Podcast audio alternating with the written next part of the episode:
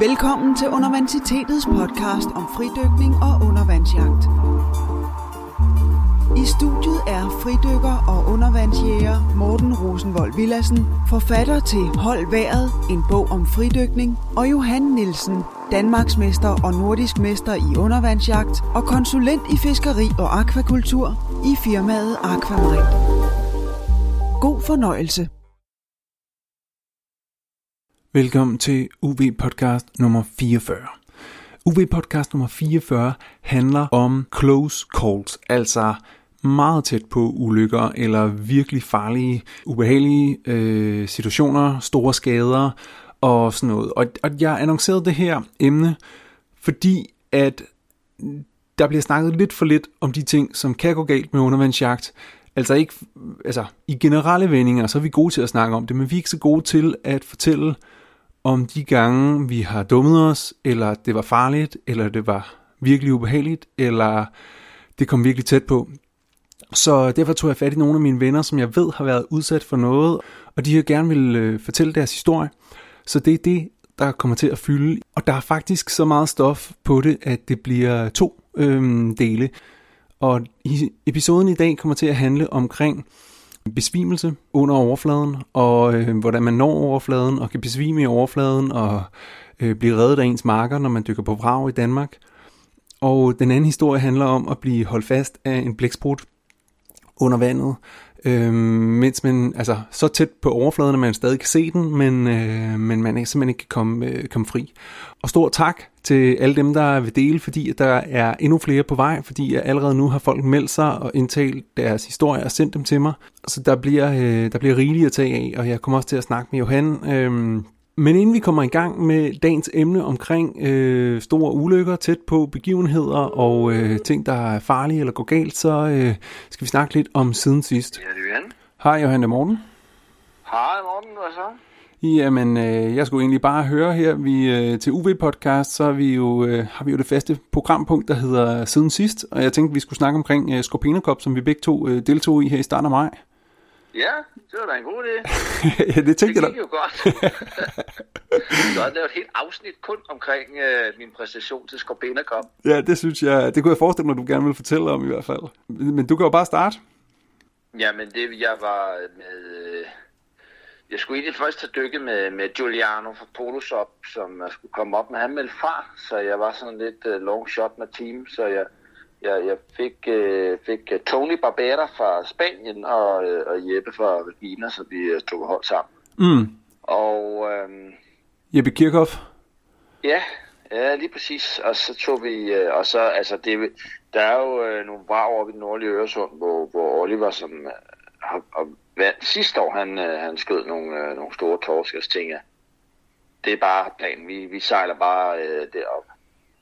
Og øh, øh, det, øh, ja, det var der flere andre, der gjorde også, men øh, sådan lidt, øh, lidt blanding med held, at de andre ikke øh, kunne, øh, kunne finde dem, og der var nogen, der var i en lille båd og sådan, og så øh, efter at have sejlet i en time med fuld hane i bølgerne og blev rystet fuldstændig til øh, fuldstændig løs i, i båden, der bare bankede løs i bølgerne, så, øh, så kom vi op øh, først og fik øh, spilden øh, en bøje på braget, der var rimelig, rimelig stærk strøm, så vi, øh, vi ankrede øh, ikke op, men bare øh, satte en, øh, en bøje på, på braget, og så, øh, så smed vi dykker i opstrøms, og så drev ned til, og så dykke ned.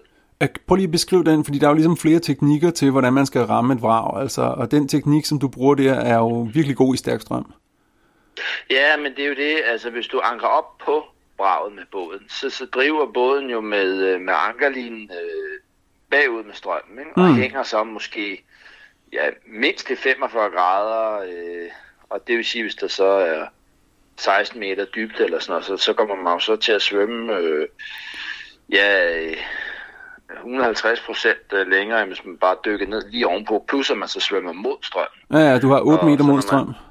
Når man så kommer ned til vraget, så er man jo fuldstændig øh, udmaset. Ja, ja. Så derfor, i stedet for, så, så sætter man en bøje på vraget, og så smider man dykkerne i 100 meter opstrøms. Mm. Og øh, der er fiffet ligesom, at man så skal øh, prøve at det er faktisk lidt svært, når man så driver det mod bøjen, øh, og så ligesom øh, være i den rette bane der, og så skal man så dykke selvfølgelig før bøjen, mm. gerne sådan 15-20 meter før bøjen, Mm. Øh, for at ramme vraget. Det, det er tit, der er mange, der ligesom kigger i det der, så ah, får de lige lidt vand i snorkelen der lige til sidst, og så ender de med at dykke, når de er oven på bøjen, mm. så hjælper det jo ingenting. Jo. Mm. Det bøvler de lidt med øh, Tony og, øh, og Jeppe, kan vi godt afsløre.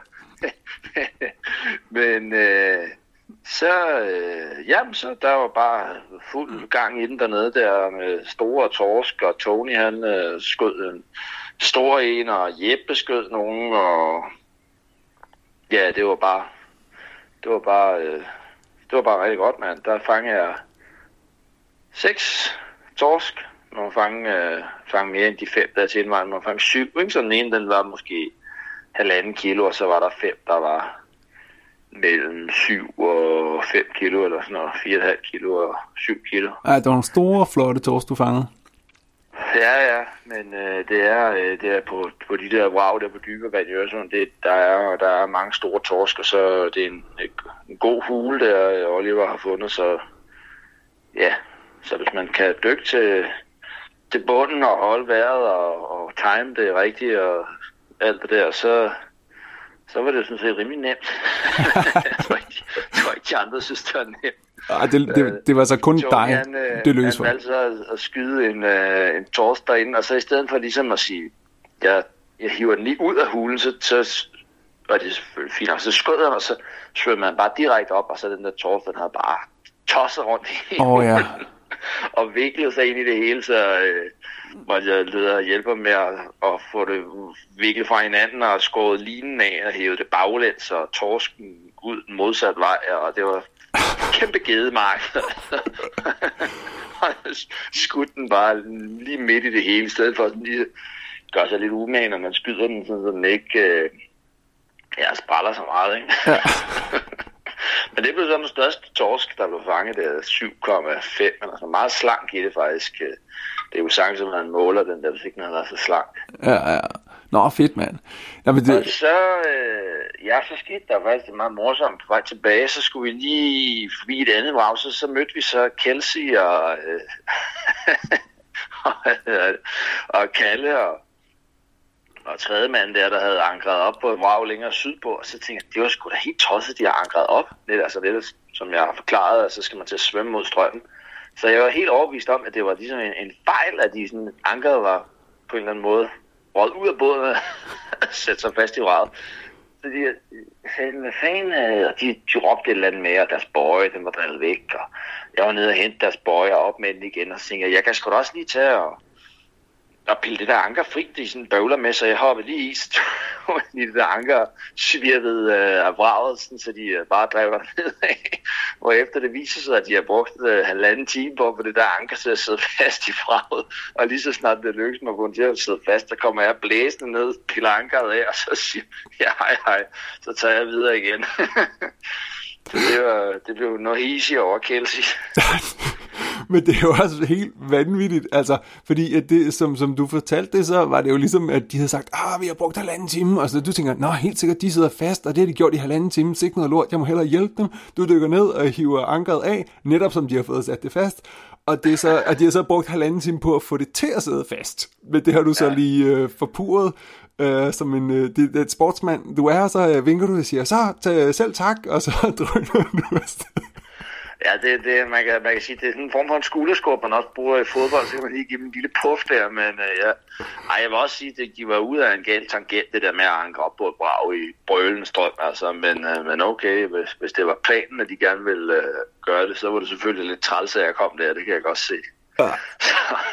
Men, de, men, Ja, så jeg undskylder fem gange træk. Jeg tror ikke, hun tilgav mig den aften, Kelsey. Jeg håber, må vi se, når jeg ser den næste gang. ja, man kan sige, du var trods alt i god tro.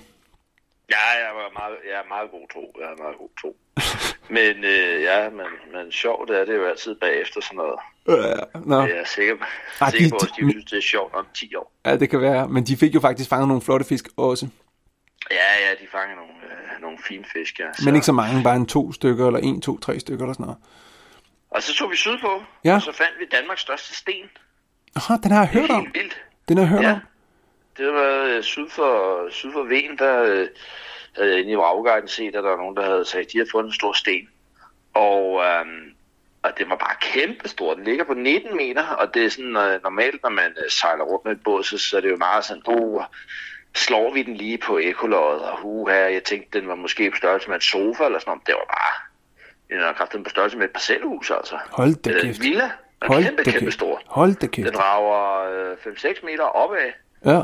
Og øh, jeg stor og rund, og sådan, der var ikke rigtig nogen hule indenunder, så det var ikke fordi, der sådan var ja, helt vildt godt at, at fange fisk, kan man sige. Men øh, der var fandme en stor sten. Mm. Ja, øh, ja, det kunne have været godt, hvis der havde været nogle huler under. Det, vi var ude og bygge nogle huler ind under morgen. Det Ja, tror helt ville klart. være virkelig godt, altså. Uh, have nogle planker med og ting og sager, og bank, bank lidt øh, nogle plader med, så vi kan ligesom stille på højkant dernede langs den, eller et eller andet. Nå, mm. spændende. Nå, fedt. Hvad, hvad hedder det? Og så, og så vandt du jo Skorpenekoppen der øh, med øh, cirka dobbelt så mange point som nummer to, så vidt jeg husker. Øhm, 26 øh, kilo torsk og investeret det hele i øh, russisk, øh, russisk øh, bly for Letland. hvad, hvad for noget? Ja, det, jeg fik øh, 250 euro i præmie, og så tænkte jeg, hvad fanden skal jeg, hvad fanden skal jeg øh, lige, øh, skal lige øh, vælge der fra, fra Scorpena-butikken, ikke? Nå, okay, ja. Og øh, så tænker jeg, øh, bly, det, det, det kan ikke gå galt. Altså. så jeg, jeg købte for 250 euro bly. Jeg tror, at der er ham der fragtmand, han har været lidt svedig over den her pakke der. Så...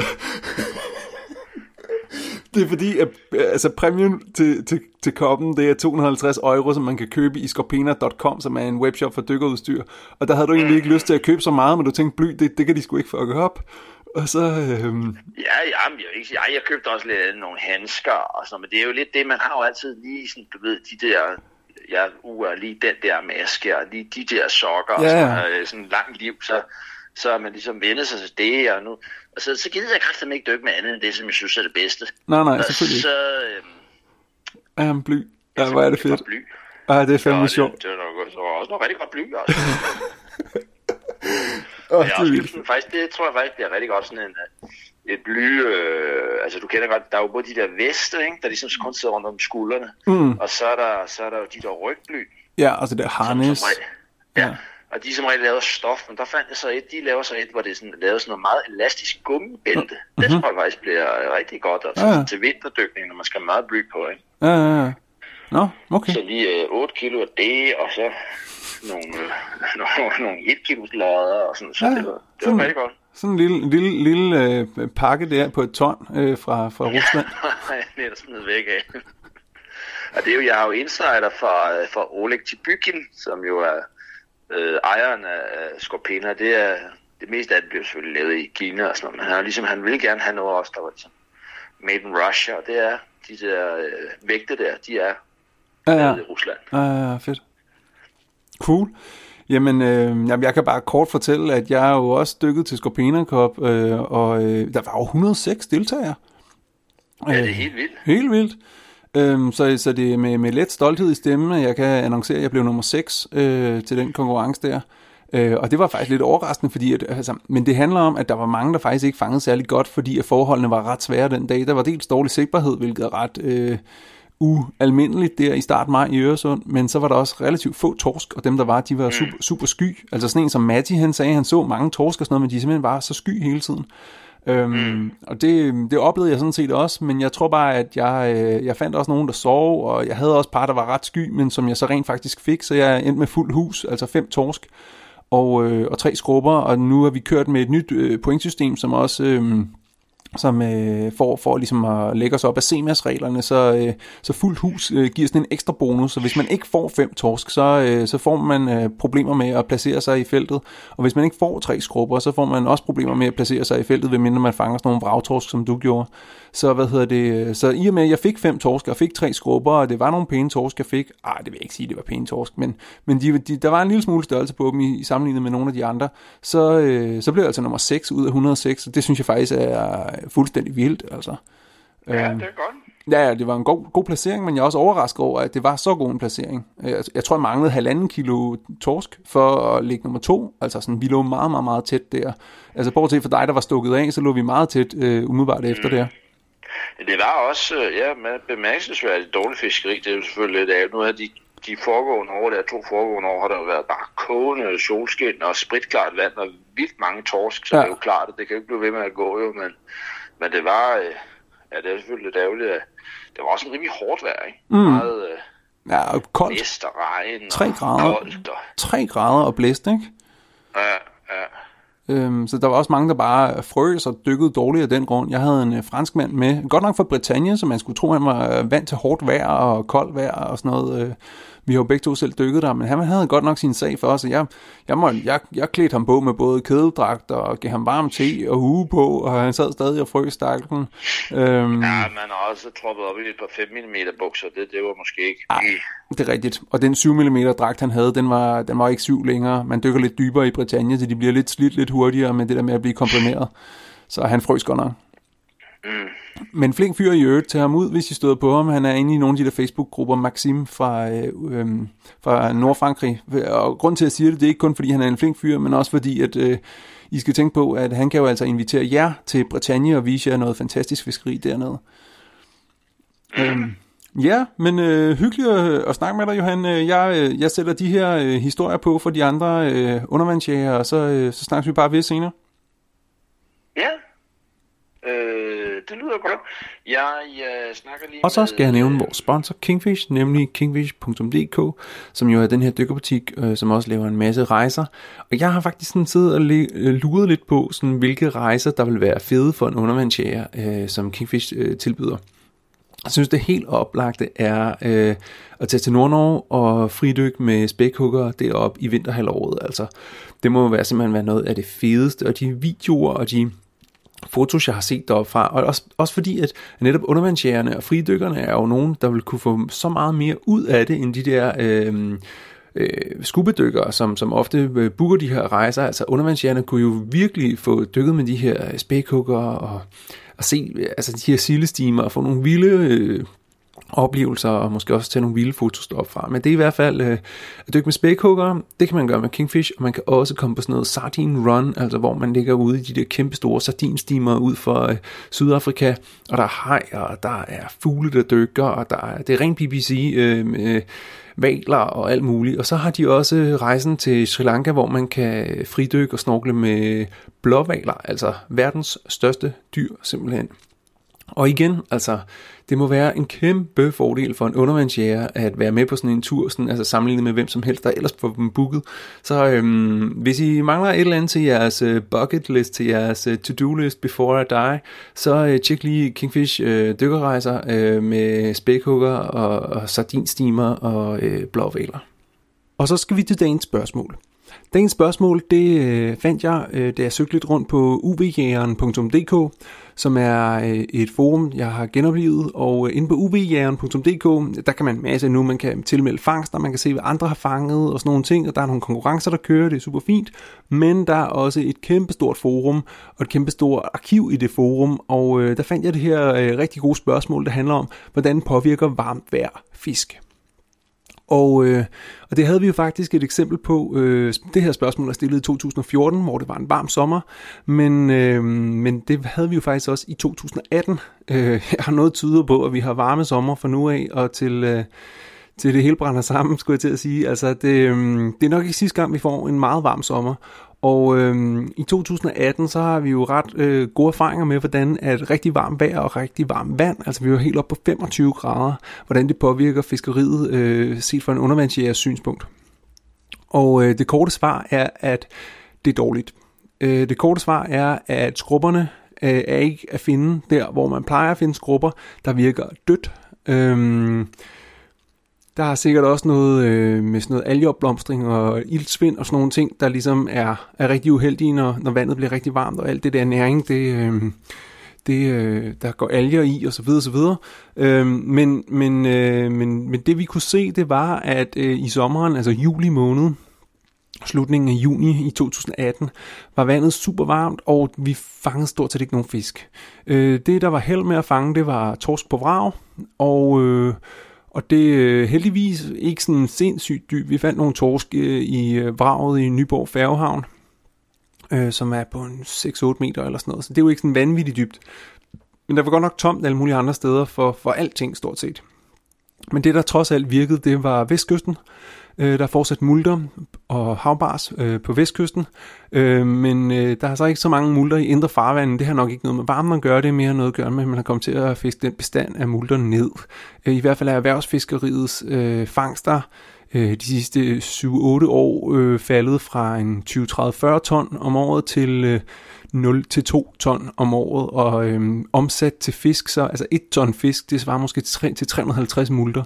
Så hvis øh, erhvervsfiskeriet, altså hele det samlede danske erhvervsfiskeri, kun fanger 700 multer på et helt kalenderår, så øh, siger det altså noget om, der er rigtig, rigtig få øh, multer i de danske farvande, fordi det er jo både øh, vest og indre, altså vestkysten og indre danske farvand, og Limfjorden, alting, der bliver landet Altså kun sådan cirka måske en 700-800 multer. Øh, det er jo forsvindende lidt. Øhm, og det er måske... Øh, Nå, det er en helt anden snak, øh, men altså multer burde egentlig være ok med, at det blev varmt, øh, men det er der så ikke nogen af tilbage. Så, så det er kort svar på, hvordan påvirker meget varmt sommervejr øh, fiskeriet og undervandsjagten. Øh, svaret er dårligt. Øhm, og desværre så kan man jo ikke slå sig på muslinger, øhm, eller i hvert fald, jo, det kan man jo godt, men, øh, men det er jo ligesom ikke en backup på samme måde i de varme måneder, for de er jo også udsat for de der algeopblomstringer og så videre, så, øh, så man skal ligesom finde en anden sommersport, øh, en undervandsjagt, og en, en, eller en anden måde at gøre det på, og det kunne være at dykke vrag, øh, og det kunne være at, øh, at tage til vestkysten, hvor man kan fange havbars, eller øh, se om der er nogle arter, som, som måske er ok at fange. Det kunne godt være havøret eller hornfisk eller et eller andet.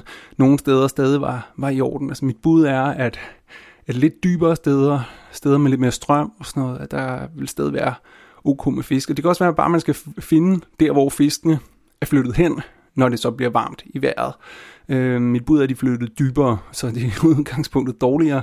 Men ikke desto mindre, så er de jo ikke fordampet. Altså, de er der jo stadigvæk et eller andet sted, men for en undervandsjæger, så er det umiddelbart dårligt med de her meget varme sommer. Nå, men øh, vi skal til den første historie, og øh, den første historie, som er af de her tæt på ulykkeshistorier, det er Sune. Og øh, Sune er der måske nogen, der kender inden fra uvjern.dk, hvor han har skrevet om sådan et blogindlæg omkring, hvordan han fanger fisk året rundt. Og han er også en af dem, der er rigtig aktiv. Han øh, har måske en, jeg ved ikke, måske har han 50-100 dyk om året. Han får i hvert fald virkelig lavet mange fangstrapporter, og man kan finde dem alle sammen inde på uvjern.dk, hvor han lægger dem flittigt op, og han placerer sig også rigtig godt i øh, konkurrencerne, fordi han fanger så mange fisk af forskellige arter. Men øh, Sune har altså en, en historie, den har nogle år på banen, men det gør den ikke dårligere i jer. Hey folks, her er en UV-historie, en, en UV-skrækhistorie fra gamle dage. I 1989, der var jeg med mine forældre på en tur, der skulle tage os rundt omkring Middelhavet. Vi øh, kørte ned igennem Europa, langs øh, solkysten i Spanien og videre med færgen over til Marokko. Og øh, så var planen, at vi skulle have været ja, hele vejen rundt om Middelhavet. Øh, men der var lidt rigelig gang i, i Gaddafi og Libyen på det tidspunkt, så det endte med, at vi faktisk blev i Marokko og var både på vestkysten og ved Middelhavet. Den her historie, den øh, starter ud en dejlig solrig formiddag, hvor jeg er ude og ligger og dykker rundt efter blæksprutter primært. Jeg havde en lille harpun. Øh, jeg kan ikke huske, hvor stor den var og er, skulle jeg til at sige, fordi jeg har den faktisk stadigvæk. Jeg tror, det er en 65 eller noget stil. Og så havde jeg sådan et øh, træspyd med en træfork på. Og øh, det var den, jeg brugte, når det var, når det var blæksprutter, det, det handlede om.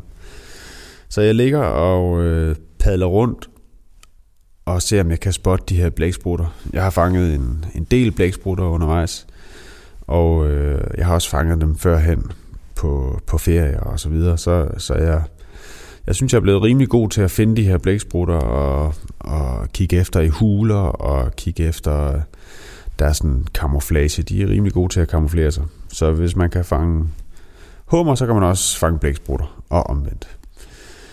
Øhm, jeg ligger og svømmer rundt på sådan måske 3 meter vand, og så ser jeg en blæksprutte, der har gemt sig ned i noget, der ser ud til at være toppen fra sådan en gammeldags cementskorsten. det vil sige sådan en, en klump cement med et, øh, eller beton med, med sådan et, et hul med en diameter på, på en, hvad ved jeg, 12-15 cm. Og øh, det er jo vildt fedt. Jeg tænker, perfekt, den er hjemme. Den, øh, den her blæksprut, den, den vil ikke hoppe ud af hullet. Hvis den gør noget, så, så kravler den bare ned i bunden af hullet. Det er jo perfekt, så kan jeg bare stikke armen derned. Så øh, jeg tager et par vejrtrækninger, og så dykker jeg ned til den her bandit. Og stikker armen ned i hullet, og ganske rigtigt, blæksprutten, den er, den er nede i bunden af hullet. Og det er vel en måske 40 cm dybt, eller noget stil. Sådan, den når lige sådan op over min albue-agtigt. Og øh, jeg får fat i blæksprutten, og sådan forsøger at få hånden ind under den. Øh, og tænker, fedt, nu har jeg fat i den. Haps. Og jeg prøver sådan, de har lidt irriterende næb, eller sådan, deres mund, det er sådan en, den er formet som sådan en papegøjenæb, der kan bide, så jeg forsøger sådan at, at få hånden godt ned under den, og for, for at gøre min hånd hul, så den ikke kan, kan bide mig i, i hånden. Og øh, så vil jeg tage den op. Og det kan jeg ikke. For den, øh, den stemmer simpelthen imod. Den stemmer med, med dens øh, arme, den stemmer den imod siden af, af den her skorsten. Og jeg tænker, man er genstridig base, så jeg prøver bare at hive til. Og øh, den kommer ingen steder. Og så tænker jeg, okay, så er jeg ved at være sådan flad for luft, så jeg vil tage min arm til mig. Og det kan jeg så heller ikke. Og, øh, og så efter et par børsne kraftanstrengelser, så, så finder jeg mig selv med, med finderne op på, på den her skorsten og virkelig bare flår i min arm for at komme fri. Og jeg kan ikke få den fri.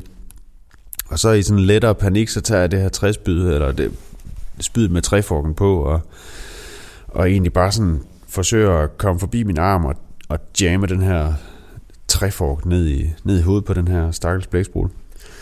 Og øh, det er sådan lidt tricky, for jeg har min hånd dernede også. Så jeg skal sådan forsøge at rette mine fingre ud, og så ramme ved siden af, ramme ved siden af min hånd, og ned i hovedet på den her blæksprut her. Og øh, det føles som en evighed. Og jeg kan bare huske den der fornemmelse af at kigge op, og så se vandoverfladen, og så bare kunne mærke, okay, det er noget værd lort det her. Men øh, lo and behold, den, øh, den slipper på et tidspunkt, og jeg øh, stryger til overfladen, og mit spyd det sidder stadigvæk nede i, nede i bunden af den her øh, cementskorsten. Og så øh, tænker jeg, shit man, det var edder fuck med godt nok tæt på.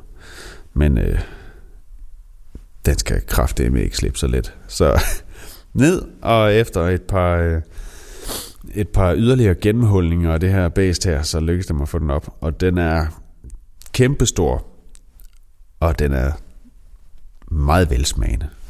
Øh, I dag, der dykker jeg næsten altid alene. Stadigvæk. Så øh, det der med at dykke konservativt, det, øh, det prøver jeg at huske på. Det synes jeg er vigtigt. Men øh, knæk og bræk derude, og pas på jer selv. Ja, det var Sune Rabeck. Kamp mod blæksprutten i dybet.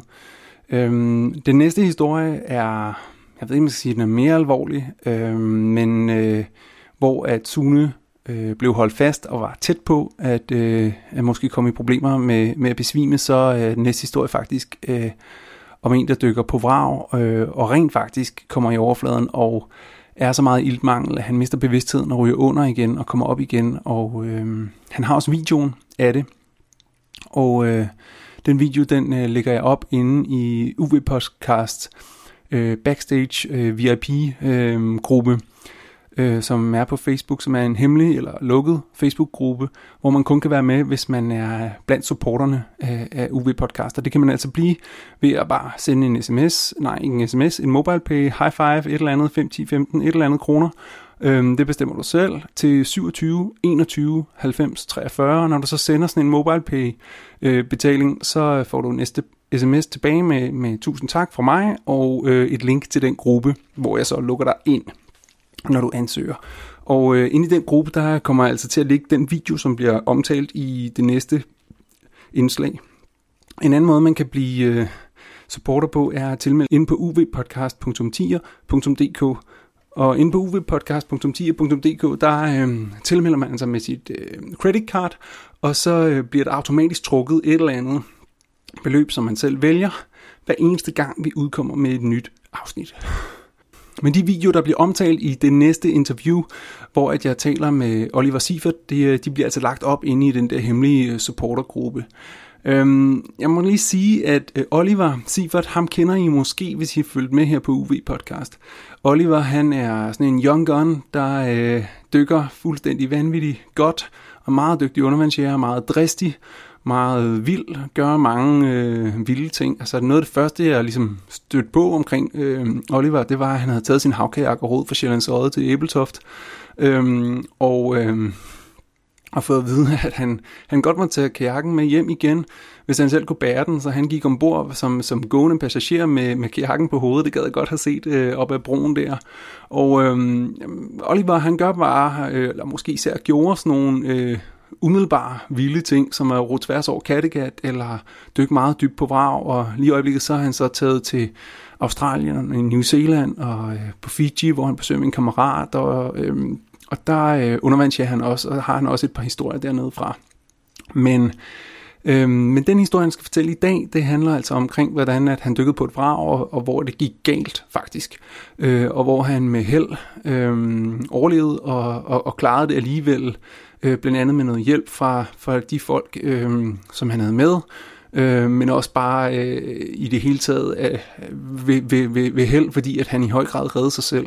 Øh, historien har jeg faktisk kendt til nogle år, øh, siden at øh, der var nordisk mesterskab i Bergen for ah, halvandet år siden, har jeg kendt til den, men, øh, men øh, jeg, har ikke, jeg har ikke snakket med, med Oliver om den. Øhm, det har været sådan lidt en, en hemmelighed, eller hvad man skal sige. Det har været noget, som nogen vidste, og, og noget som, som øh, og sådan er det lidt med de her ture, eller øh, altså ikke ture, sådan er det lidt med de her episoder, hvor at noget går galt, det er, at man, måske får man ikke snakket nok om det. Øhm, også fordi, hvis så deler man det på Facebook, åh, det var ved at gå galt, og så kommer folk med deres bedre videnhed om, at ah, men du skulle også bare have gjort, og du skulle også bare have gjort, og man er sgu da også en knold, hvis man øh, gør ikke syg og sæt, og så videre.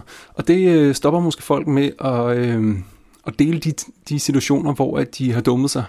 Og det er lidt ærgerligt, fordi at øh, dels så har man måske behov for at snakke om det, men, øh, men noget andet er, at nogle andre også kunne lære af det. Så øh, hatten af for Oliver, for at han vil... Øh, dele det her. Okidoki. Jamen, øhm, skal vi ikke starte med den der... Øhm, altså, det, hvis det skal handle om close calls, der tænker jeg, øh, jeg har været lidt uheldig, især da jeg startede ud med... Da jeg startede med at dykke, øh, da vi startede med at dykke lidt dybere, der var, der var det hele nyt for mig, og jeg var i super god form, og, og det var ligesom, man, man prøver lidt at presse grænsen, og, eller dykker dybere og dybere, og jeg havde hele tiden en god følelse med, med der er, jeg har masser af øh, luft her, og det går, det går sgu fint nok, og så, så kom vi ud på de der 25 meter brag og i Kattegat, og det, det, gik, det gik sgu også meget godt, og vi har været ude flere gange og sådan noget.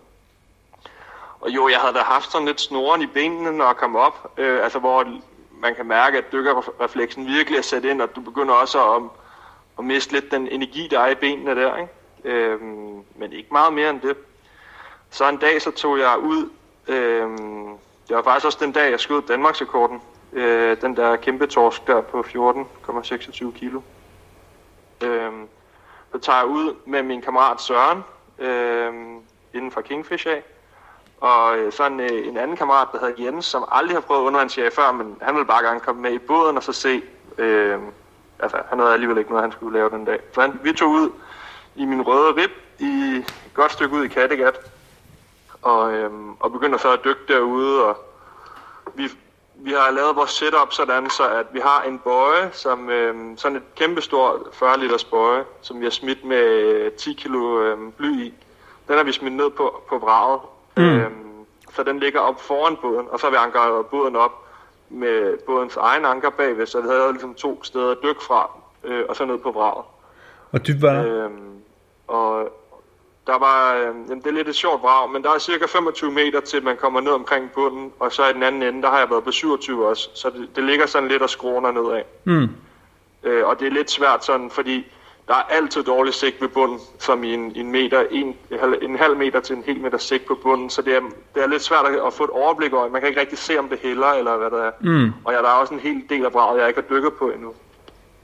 Øhm, selvom jeg har været der et par gange. Men øh, der kan vi aldrig få ankeret op, og det er også meget faldet sammen derovre. Men, øh, men så, jeg har skudt den der kæmpe torsk, øh, og det var jo i starten, hvor at jeg ikke havde, jeg brugte ikke hjul på min harpun, og øh, normalt så havde jeg jo den bundet til min bøjelin, men på vrag, hvor der er så mange liner, der hænger ud fra vraget af, altså fiskeliner og garn, der dur det bare ikke, at man, man, er, man sidder fast i en bøje, fordi hvis ikke du selv sidder fast, så er du 100% sikker på, at linen til din bøje sidder fast. Ja, ja. Plus du skal trække den der bøje op i strømmen. Mm. Så jeg har, ikke nogen, jeg har overhovedet ikke nogen øh, bøjelin på, så når man skød en fisk, så må du så også trække den op øh, Mm. bagefter. Øh, og det, det var jo lidt dumt, men øh, jeg var også lidt ny i sporten der, kan man sige, eller i det med de dybe dyk. Og jeg har skudt den store torsk, og nu skulle vi bare lige have et par torsk mere, så Søren og, øh, og Jens, de også kunne få et par torsk med hjem. Så øh, jeg dykker ned af bøjen. Jeg, jeg ligger op i bøjen, og så har vi så gjort den fejl, at Søren han sidder i båden, fordi han fryser lidt. Mm. Og han skulle egentlig være min safety dykker, men der var jo kun 10 meter ned til båden op fra bøjen af. Så han sad bare i stævnen af båden og holdt øje med mig Mm. øhm, derfra. Og så, øhm, så jeg dør, bøjelinen til bøjen, den er 38 meter lang, og det er jo lidt mærkeligt, når der kun er 25 meter dybt. Men ja. strømmen, den rendte simpelthen så stærkt der. Mm. Øhm, og den, den gik jo helt lige ned i starten af bøjen, og så når den kom ned til bunden, hvor der så var, eller ned til toppen af vraget, hvor der var rigtig dybt, der er omkring 21 meter øh, til toppen af vraget, så øh, så gik den bare vandret hen af, hen af vraget, bøjelinen. Det så faktisk ret, ret syret ud, at den stod helt lige i toppen, men helt vandret på bunden. Ja. Så, øh, så jeg dykker ned af, af bøjelinen der, og, øh, og jeg har haft tre minutter i overfladen siden mit sidste dyk. Men, Mm. men jeg føler sådan, at øh, nå, nu skal vi lige have skudt et par torsk, så vi kan komme hjem, og det skal ikke være nogen, det skal bare være et par hurtige torsk. Så øh, jeg har tre minutter overfladen, hvor normalt så vil jeg holde 5 minutter, og det gjorde jeg også på det tidspunkt øh, som minimum, ikke? Øh, imellem min dyk. Og øh, jeg dykker så ned, og kan godt mærke, at mit hjerte det hammer stadigvæk, når jeg kommer et, et stykke ned, så kan jeg godt mærke, at, øh, at mit, mit hjerte det kører godt nok derudad. Men jeg tænker, "Nå, nu prøver jeg lige at presse den lidt, fordi at, øh, nu er det jo gået fint de andre gange, og jeg har ikke følt mig sådan svækket eller noget. Øh, kommer ned, og så hiver mig op af vraget, svømmer lidt længere end hvor bøjelinen er, og så skyder jeg to torsk ind i vraget der. Øh, og de var ikke så store, eller omkring 5 kilo. Hiver dem ud, og så begynder jeg at svømme op. Altså to torsk i samme skud. Så, øh, ja, tam, så der er to torsk på samme spyd, ikke? Ja. Og så begynder jeg at svømme op med harpunen der og, og torskene.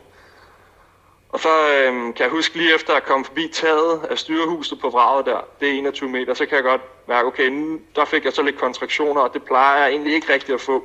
Mm.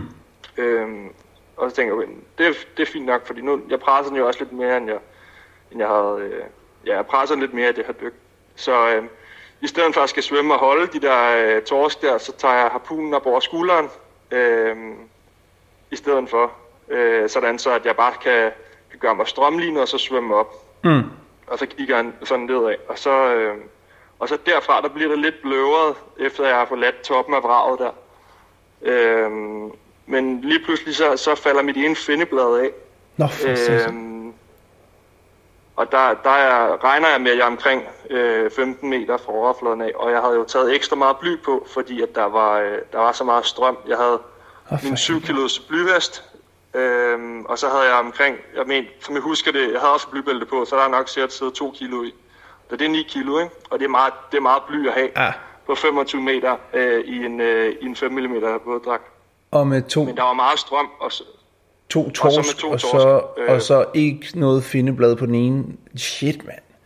Ja, der var, der var sgu lidt dybt der. Øhm, og så øh, lige efter mit findeblad rører af, der rører jeg så ind i sådan en mærkelig form, hvor at, øh, hvor at, øh, jeg, kan, jeg kan mærke, at det er svært at, at have tidsfornemmelse på det her, men jeg har det også på video faktisk. Okay. Øhm, jeg kan prøve, du kan prøve at få videoen, fordi der er noget, noget ret sindssygt lyd på det der, og det giver måske lidt respekt for øh, det der med at dykke med en marker og sådan noget, for det, det lyder lidt voldsomt. Øh, men jeg mister findebladet, og øh, så går jeg i samba. Ja. umiddelbart lige efter. Og jeg kan huske, starten af sambanen, det starter med, at, at jeg kan mærke, at mine fødder, de, øh, de svømmer ikke, som jeg gerne vil have dem til. Altså, de, de begynder at lave sådan nogle bitte små svømmebevægelser. Mm. Og, øh, og så mine skuldre, øh, så tager jeg så armene ned fra at være strømlignet øh, til bare noget langs siden, og så kan jeg mærke, at de bliver også helt mærkelige at tage dem ind omkring mit bryst, sådan der lukker til. Altså klemmer rundt om mit bryst, mm. øh, altså ligesom man fryser eller sådan noget. Og så begynder de, de at ryste, og hele min krop begynder at ryste og sådan noget. Men jeg bliver stadig ved med at, at holde fokus på, at jeg skal blive ved med at svømme med det ene findeblad der, så godt jeg nu kan. Og så kommer jeg i overfladen, og jeg kan ikke huske, at man når at få et lille gisp luft, der kommer op første gang. Men, øh, men jeg kommer i hvert fald til overfladen, og så synker jeg ned. Og der er stadig sådan en halv bevidsthed, det er meget sløret. Og det meste, jeg kan huske, det er kun fordi, der er en film på det. Ikke? Mm. Men jeg blev ved med at svømme. Så jeg synker ned, efter at have været i overfladen i første omgang. Jeg synker ned til to øh, meters dybde eller sådan noget. Mm. Og så kommer jeg op igen til overfladen. Øh, og så får jeg så trukket et lille mundfuld luft, og så, øh, så ligger jeg ellers i overfladen og svømmer stadig for at blive derop. Fordi de der tårer svømmer selvfølgelig nedad. Og du er tung? Øhm, og jeg er meget tung. Og så øh, og har kun et findeblad, og jeg svømmer ikke ordentligt. Så, og så kan jeg ellers huske, at jeg ligger i overfladen. Øh, uden at trække vejret, fordi jeg kan, jeg, ved, jeg kan godt mærke, at jeg er i overfladen, fordi min ryg ligger i overfladen, men jeg kan ikke løfte hovedet op over overfladen, oh, øh, op og tage luft igen. Og så synker jeg igen, og lige når at synke, der, der får hovedet op, og så råber hjælp, sådan lidt anstrengt. Og så ja. min, øh, min kammerat Søren, han, de tænkte, hold da kæft, det må være en stor torsk, han har skudt, når den kan trække ham ned på den måde der. Så han hopper så i, lige der jeg får råbt hjælp der. Og, øh, og jeg er sådan en halv meter under overfladen, kommer op til overfladen, og, og det ved jeg ikke, om det er Søren, der får hævet mig op, eller det er mig selv, der når at svømme op. Men så, ligesom, så får jeg en, øh, en ren mundfuld luft, og så, øh, så kan man ligesom mærke, at, at så øh, forsvinder det der samba, altså man, kontrollen kommer tilbage i benene og i armene, og jeg siger til Søren, at han skal tage harpunen, øh, for den, den vil jeg selvfølgelig ikke miste så, så dumt som jeg har. Det vil sgu være det første, man har givet slip på.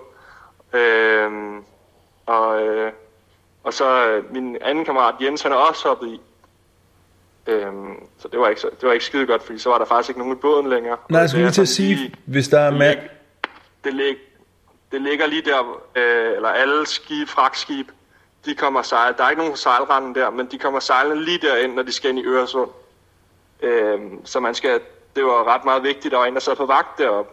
Øhm, sådan så, at hvis der var et fragtskib, der kom for tæt på, så skulle han, øh, ham der sidder i båden, han skal starte motoren, og så lige give lidt gas i tomgang, fordi så ved ham, der hører, der ligger i enten overfladen eller på bunden, at nu skal vi videre, fordi at der kommer et øh, tankskib henover. Okay, så situationen, er, så situationen er nu den, at der ligger øh, dig, der har en svømmeblad på, men er i recovering af en eller anden form for samba blackout ting, og så ligger der to øh, undervandsjæger uden svømmefødder på, som lige hoppet i for at hjælpe dig, ja.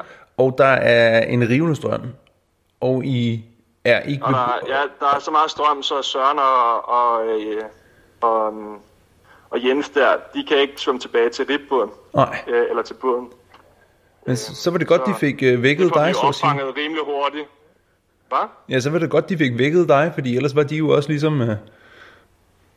Ja, lige præcis. De kunne måske godt øh, have svømmet tilbage, men, men vi blev enige om, at øh, da vi opdagede, at vi drev så hurtigt, eller vi vidste jo godt, at der var meget strøm, men ligesom da der var kommet lidt styr på, på situationen, var vi omkring 30 meter, 30-40 meter forbi båden, mm. strøms. Og, øh, og, og så blev vi enige om, okay, nu, nu er det nok til at være nu, at jeg skal svømme tilbage. Så vi får arrangeret det sådan, at øh, Søren han får harpunen, og øh, så begynder jeg at svømme tilbage til båden. Og øh, som jeg husker det, så var der cirka 100 meter, der begyndte at svømme tilbage til båden. Og det gik helt fint. Jeg crawlede derop, og det var ikke noget problem. Og jeg kan, jeg kan huske, at da jeg kom op og sidde i båden, så kigger jeg ned, og så lige godkendt, eller sådan siger, okay, jo jo, den er god nok. Det mangler rent faktisk et findeblad. Det er meget tydeligt at se, at lige kigger på min, min, øh, mine finder der. Ja, ja. Og så øh, af med finderne, og jo, der er godt nok lige et tankskib, der er på vej og er lidt tæt på. Så øh, hurtigt forbundet en bøje på ankerlinen, og så øh, skal jeg ankertåret over, og så sejle ned og hente øh, Søren og, og Jens der. Øhm, øh, fordi jeg ikke, jeg, der var så meget strøm, så man kunne sgu, jeg kunne ikke rigtig binde det, knu, det knob op, der sad på, øh, på ankertåret. Ah. Fordi der var også så meget øh, træk på båden, så det, det var bare nemmere at skære det over, og så samle de to op. Øhm, og øh, ja, det var så cirka den dag, vi fik samlet vores øh, bøje op og, og, og sejlet ind, men var godt nok noget rystet over det. Hold da kæft en øhm, historie. Og så fik jeg snakket med, ja, så fik jeg snakket med min makker Matti om det, og Matti, han, er, han har jo haft et par samvær og sådan noget, men øh, ja, uh, uh. han sagde, det ved jeg sgu ikke rigtigt, hvad han, jeg kan ikke rigtig huske, hvad han sagde, men i hvert fald, det med, at øh, efter den oplevelse, så, øh, så tog jeg et fridykkerkursus på Malta nede ved, ved Jesper, og det var bare det bedste, jeg nogensinde har gjort. Jeg fik så meget indsigt i det. Altså, jeg har dykket hele mit liv stort set, siden jeg var... Øh, faktisk, jeg begyndte at dykke, før jeg kunne svømme, så jeg kunne slet ikke svømme med... med jeg kunne ikke svømme, uden jeg havde svømmefod. Mm. Jeg startede med at dykke i, i dykkerklub og sådan noget. Men man har lært en masse ting over alle de år, og man har tilegnet sig en hel masse dårlige vaner og, og sådan noget. Men øh, det var virkelig fedt at komme ned på det, øh, på det dykkercenter der, øh, eller ned til Jesper på Malta, og bare lige, altså han kunne pege på alle ens dårlige vaner, og jeg blev så meget bedre på, på øh, jeg tror det var 10 dage var der nede, uh. på de 10 dage, end, øh, altså det var, det ville have taget mig år at, at blive så god. Øh, hvis, jeg, hvis ikke jeg havde taget derned, og jeg bare skulle lære det hele selv. Og jeg havde helt sikkert haft mange flere, øh, meget, eller tættere close calls og sådan noget. Så, øh, Vildt nok. Øh, Vild historie, Oliver. Ja. Det må man sige. Py, og også, også lidt... Øh, også lidt, at det kan, det kan skulle komme ud af ingenting, og man mærker det, det, det er ikke sådan noget med, nu er jeg godt nok presset, nu, kommer, nu, går jeg, nu, nu skal jeg smide med bly og, og svømme op. Nej, nej, altså det kommer som hvis man klipser med fingrene, og så, så er du bare helt fucked. Jo, jo, og det er jo det, øh, altså fordi... Og selvfølgelig... Når, når du fortæller historien, så kan vi jo godt sådan se, okay, der var meget strøm, du havde lige haft et stort dyk, der var kort overfladetid, øhm, du skyder to torsk, du er måske lidt for øh, tung med bly, du mister det ene svømmefod, men du vælger stadigvæk at svømme op både med harpun og torsk og bly. Og altså sådan, der, der er sådan rigtig mange ting, hvor man sådan bagefter kan gå ind og sige, okay, det, så det, det var jo så selve dykket, og så kommer du op og øh, får, får på mirakuløs vis reddet dig selv med nogle, med nogle halve eller øh, halve indåndinger, ikke? Øhm, og, og, altså kommer ned under vandet flere gange. Altså det er jo også øh, usædvanligt, det er relativt få, der er så heldige, at de så kommer op igen, og så kommer op igen, og så endda får råbt hjælp. Altså jeg har virkelig set mange, der har lavet en samba, som ikke har været i stand til at tale eller noget som helst, og så er gået direkte fra samba efter, efter et par sekunder over i blackout, ikke? Øhm, og det ja. havde de jo nok ikke opdaget op i båden. Men det var jo virkelig heldigt, at de gjorde ja. det på et eller andet tidspunkt. Ikke? Og så hopper de jo så i vandet efter dig, og efterlader jeg alle sammen drivende ude i... Øhm, ude, langt ude i vandet i, i en strøm og har fladt båden. Ikke? Så det, det var også i sig selv en temmelig farlig situation. Sådan, så det, men, det er jo, men det er jo klart, altså, som du siger, det kommer ud af ingenting. Lige pludselig der er et dyk, der går galt, og lige pludselig så ligger der tre mand i vandet, og, og øh, er faktisk sådan, der skal handles lige nu her. Ikke? Ja, ja, og man kan, man kan sagtens øh, eftertolke og sige, at det var dumt, at du havde, du, hvorfor smed du ikke dit bly? Mm. Øhm, hvorfor dykker du med en blyvest? Hvorfor, hvorfor har du taget ekstra bly? Okay, ja, man kan sige, hvorfor hoppede den sidste makker så i vandet, han skulle bare blive på den. Altså, hans, hans bedste makker var ved at drukne for øjnene af ham, så selvfølgelig hoppede han også i vandet. Det, altså, det, det er sgu... Øh, det er, det er ikke sådan, det er ikke helt nemt at forklare, men det er nemt at være bagklog bagefter. Åh, oh, helt klart, øh, helt klart. Og der er masser af ting, man kunne, man kunne have gjort anderledes. Øh, ja, det er jo sådan nogle rutiner, men, man, øh, man skal så have etableret, ikke? Sådan, så, så man undgår de der ting jo. der. Og det er jo, altså, ja. og det er jo relativt nyt, at øh, danske øh, undervandsjæger øh, undervandsjæger så dybt. Altså, så det er jo også, der, det skal jo ligesom, der skal jo nogen, der skal finde på de der rutiner, fordi du, du kan ikke slå op i en bog øh, om, hvordan den rigtige måde er at dykke dybt på vrag i Danmark. Nej, bestemt ikke. Eller nej, det kan man ikke. Og, øh, og jeg kan jo mærke, øh, to måneder efter, der, eller en måned efter, tror jeg faktisk det var, der var jeg i, øh, til Euro African i Kroatien, mm. og øh, der dykkede vi til 40 meter, øh, og havde aspetto-dyk, hvor vi lå dernede i måske et minut eller øh, 30 sekunder på 40 meter, og det var ingen problemer mm. øh, kontra at dykke på 25 meter. Så man skal bare huske at sammenligne det med, der er så meget forskel på, om vandet er varmt, om det er klart. Der er noget med cyklen, der er noget med, at det er vrag, der er liner, og strøm, det er der ikke lige så, der er der ikke lige så meget af i Middelhavet. Øh, min makker Mate, han sammenligner lidt Danmark. Øh, med Gibraltar. Altså det er jo ligesom... Øh, ja. Det er der, hvor alt vand, der skal ind i Middelhavet, det passerer, det passerer igennem Gibraltarstrædet. Og det, det er der, hvor der er allerflest dykker, der drukner i hele Middelhavet. Øh, ikke fordi der er så dybt, men fordi der er så meget strøm. Ja, nemlig.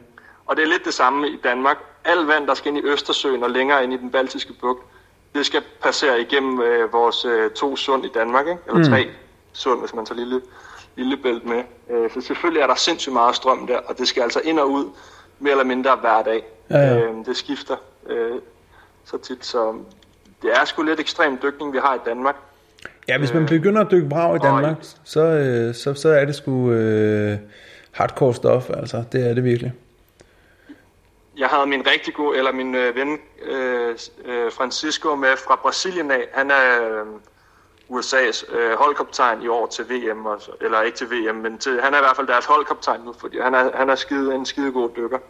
Og han er virkelig, virkelig god. Og vi var ude at dykke i... Øh, altså han lever af undervandsjagt, og vi var ude at dykke i Øresund øh, på et, øh, et kendt brag, som ligger på omkring 17 meter. Øh, og det var jeg kan ikke rigtig huske, hvornår det var. Jeg mener, det var midt om sommeren. Men i hvert fald, øh, han, han synes fandme, det var dybt og dyk. I, og han kunne ikke se noget som helst. Og så skulle man kravle halvt ind i vraget for at se, om der var fisk derinde og sådan noget. Nej, det, det var sgu ikke noget for ham rigtigt, altså.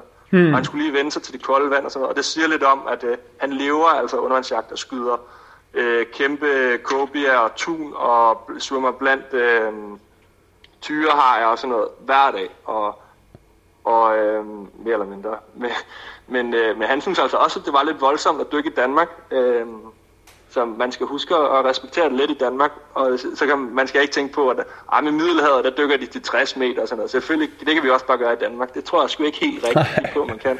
Nej. Øhm, og, Nej, men helt klart. Så, men det får vi jo se i år. Det får vi jo se i år, når vi har Euro African i, i Danmark. Så må vi se, om der er nogen, der dykker til 60 meter og det tror jeg skyder kæmpe langer. Og, og det sådan. tror jeg ikke. Nå, men, men det er rigtigt, det må vi se, men det tror jeg simpelthen ikke. Øhm, men det bliver spændende Nej. at se, hvad, hvad de der øh, sydeuropæere kan hive op af Storbælt. Og det var så øh, historierne her fra Oliver. Som sagt, så ligger øh, videoerne, der, øh, hvor det bliver omtalt og forklaret osv., det ligger inde øh, i den hemmelige gruppe, hvor man kun kan få adgang, hvis man øh, sender en mobile pay på 27 21 90 43, eller at man tilmelder sig inde på uvpodcast.10.dk.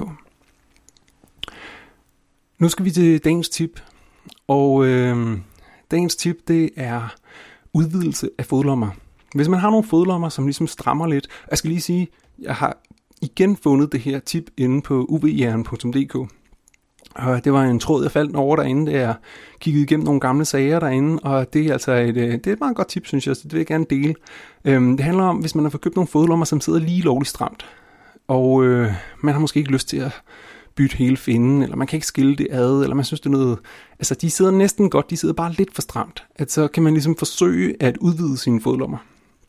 Og øh, Problemet er, at hvis man ligesom skal hælde kogende vand ud over dem, eller opvarme dem til plus 100 grader eller sådan noget, så bliver det sådan lidt farligt, og måske går de i stykker, og det er heller ikke godt at klippe i det der gummi, så begynder den der klipning, man laver måske at løbe og så videre. Så, så, så tricket er, at man ligesom skal prøve at udvide det.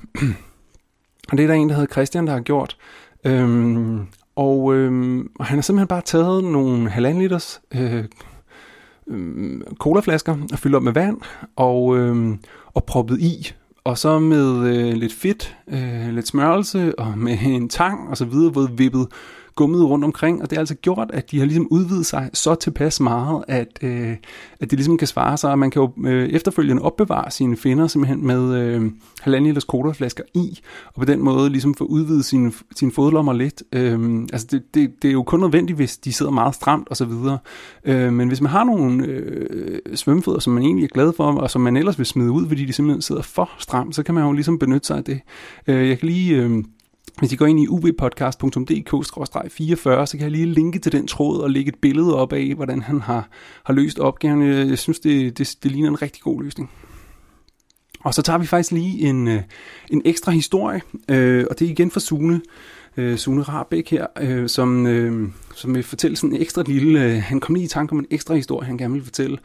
Men inden da, så tager vi lige vores sponsor, øh, nemlig Kingfish, og sender dem en stor tak. Kingfish er jo sponsor af UV Podcast og har været det et års tid efterhånden, og inden da har de også været flere gange osv., og øh, Kingfish er jo en webshop, som forhandler en masse undervandsjagtudstyr, og øh, blandt andet Salvimar, Frivandsliv og Epsilon, og, og de øh, har også overtaget øh, Dive Center, øh, det legendariske dive center, hvor at Lamberto Assi han lavede en masse undervandsjagt ting. Alle deres øh, brands for dive center og, og hele øh, dive centers eget produktlinje, som hedder Ragnarok, har øh, Kingfish overtaget.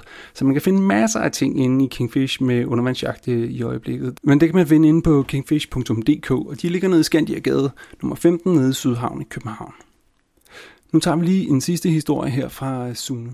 Hov, der gemte sig faktisk lige en øh, bonushistorie. Den er egentlig ikke så... Øh, den er ikke på den måde direkte UV-relateret, men øh, den handler om øh, en forskrækkelse i forbindelse med UV-jagt. Og øh, det var i den marokkanske by Asila, som øh, vi boede i et stykke tid, ligger over på vestkysten.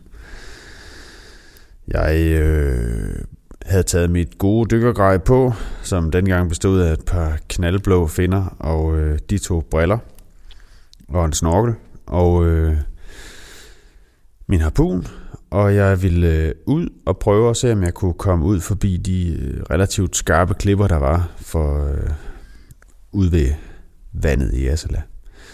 Og øh, det, der var med den øh, kyst, det var, at der var nogle kæmpe skrænter, og så var der ligesom et klippeplateau, og så kom bølgerne. Så øvelsen gik ud på at finde ud af, hvordan man kunne komme ud i vand, uden at blive helt smadret mod de her plateau. Øh, det var jo Atlanterhavet, og der, der er forholdsvis godt gang i bølgerne, selv på en, på en rolig dag. Jeg havde været derude og svømme før, så jeg vidste, det kunne lade sig gøre, og der var heller ikke alt for mange søpindsvin, man kunne jogge knæene i osv. Så, videre. så øh, jeg gik ind i bare og og spejtede efter et sted, hvor vandet var, var sådan relativt roligt. Øh, og øh, mens jeg står og hygger mig med det, så smider jeg min, min ene finde på, på klippen foran mig, for jeg har fundet stedet, jeg vil ud. Og så øh, tager jeg sådan svømmebrillerne ned i over, øh, jeg tager svømmebrillerne på, og snorkelen op under, og, øh, og så vil jeg bukke mig ned og øh, tage min finde på. Og i det jeg bukker mig ned, så ser jeg 10 cm fra min venstre fod, der ligger der en hund. En stendød hund, der er fuldstændig oppustet og med læberne krænger tilbage og viser hele gebisset. Øh, og den er, den er helt opsvulmet. Og, øh, og jeg får et gigantisk chok. Sådan et af de chok, hvor man bare kan mærke, at adrenalin den banker helt ud i fingerspidserne. Så øh, ikke noget UV-dykning den dag overhovedet. Øh, der gik faktisk næsten en hel uge, før jeg overhovedet kom i vandet igen, fordi jeg var simpelthen så chokeret over at se den hund. Og det viser sig, at den, øh, den, havde, den havde halsbånd på, og øh, på en eller anden måde, så har den så fået øh, forvildet sig ud på kanten af den her høje skrant, og styrter ned, og har gokket hovedet i klippen, og er så blevet, ja, af en eller anden grund, endt helt ude ved kanten af vandet. Øh, ja, så sådan kan man... Øh, sådan kan man også opleve ting og sager på en hyggelig UV-dag. Så er der ikke andet end at sige tak, fordi I lyttede med, og I kan glæde jer til næste afsnit af UB Podcast, der også kommer til at handle om close calls og personlige historier, og dengang øh, at noget gik galt, og øh, folk, der har været modige og gerne vil dele det, sådan at vi alle sammen kan lære noget af det, og få, måske også bruge en lille smule tabu om øh, de gange, man har dummet sig og været lidt klodset, eller gjort noget dumt, eller det var ved at gå galt, eller man på anden måde ikke havde styr på det, eller blev udsat for fare. Så øh, vi høres ved næste gang. Tak for nu. Og her plejer der så at komme en outro fra øh, UV Podcast, øh, den jingle, som vi har. Men øh, sådan skal det ikke være i dag, fordi at øh, vi er ved at få lavet noget nyt lyd til UV Podcast, så et helt nyt øh, lydunivers, så at sige. Og hidtil så har vi jo brugt den her intro og outro, som I har hørt det på gange. Ellers kan I gå tilbage og høre den igen. Og øh, den intro, den skylder jeg at sige, den, og den outro, den er lavet af øh, et stykke musik, som er lavet af min gode kammerat Tue Sander, øh, som faktisk har lavet det her super fede nummer, der hedder Bodega, øh, som jeg egentlig ikke tror nogensinde er udkommet nogen steder, men øh, jo måske prøv at søge på Bodega på Spotify, så kan I høre det hele nummer, og ellers kan I høre det her nu. Så her kommer altså den samlede øh, den samlede, hvad skal man sige, øh, hele nummeret, hele nummeret, ikke bare en outro eller en intro, som min bror Mikkel øh, i øvrigt har lavet, altså introen og outroen, men altså hele nummeret, som Tue Sander har lavet, det, øh, det kommer altså her i sin øh, fulde version, øh, så det vil jeg gerne lige spille for jer, inden at øh, vi skifter hele lyduniverset ud, og øh, sandsynligvis allerede fra næste afsnit har øh, en, en anden øh, sound øh, her på UV Podcast. Lyt med, Bodega Tue Center.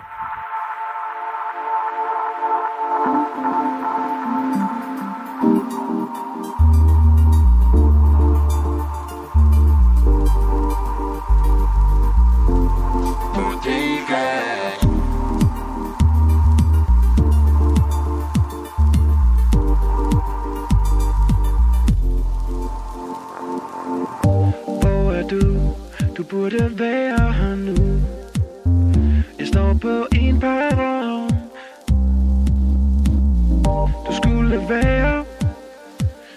med toget. Nu har du igen Ikke noget det. Jeg ved jeg altid kan Finde dig på din. Jeg ved altid hvor Jeg kan finde dig. Jeg ved jeg altid kan Finde dig på din. Bodega. Jeg ved jeg altid kan Finde dig på din. Jeg ved altid hvor Jeg ved hvor du er. Jeg ved jeg altid kan Finde dig på din. Bodega. Så dig der Hvor du har lovet mig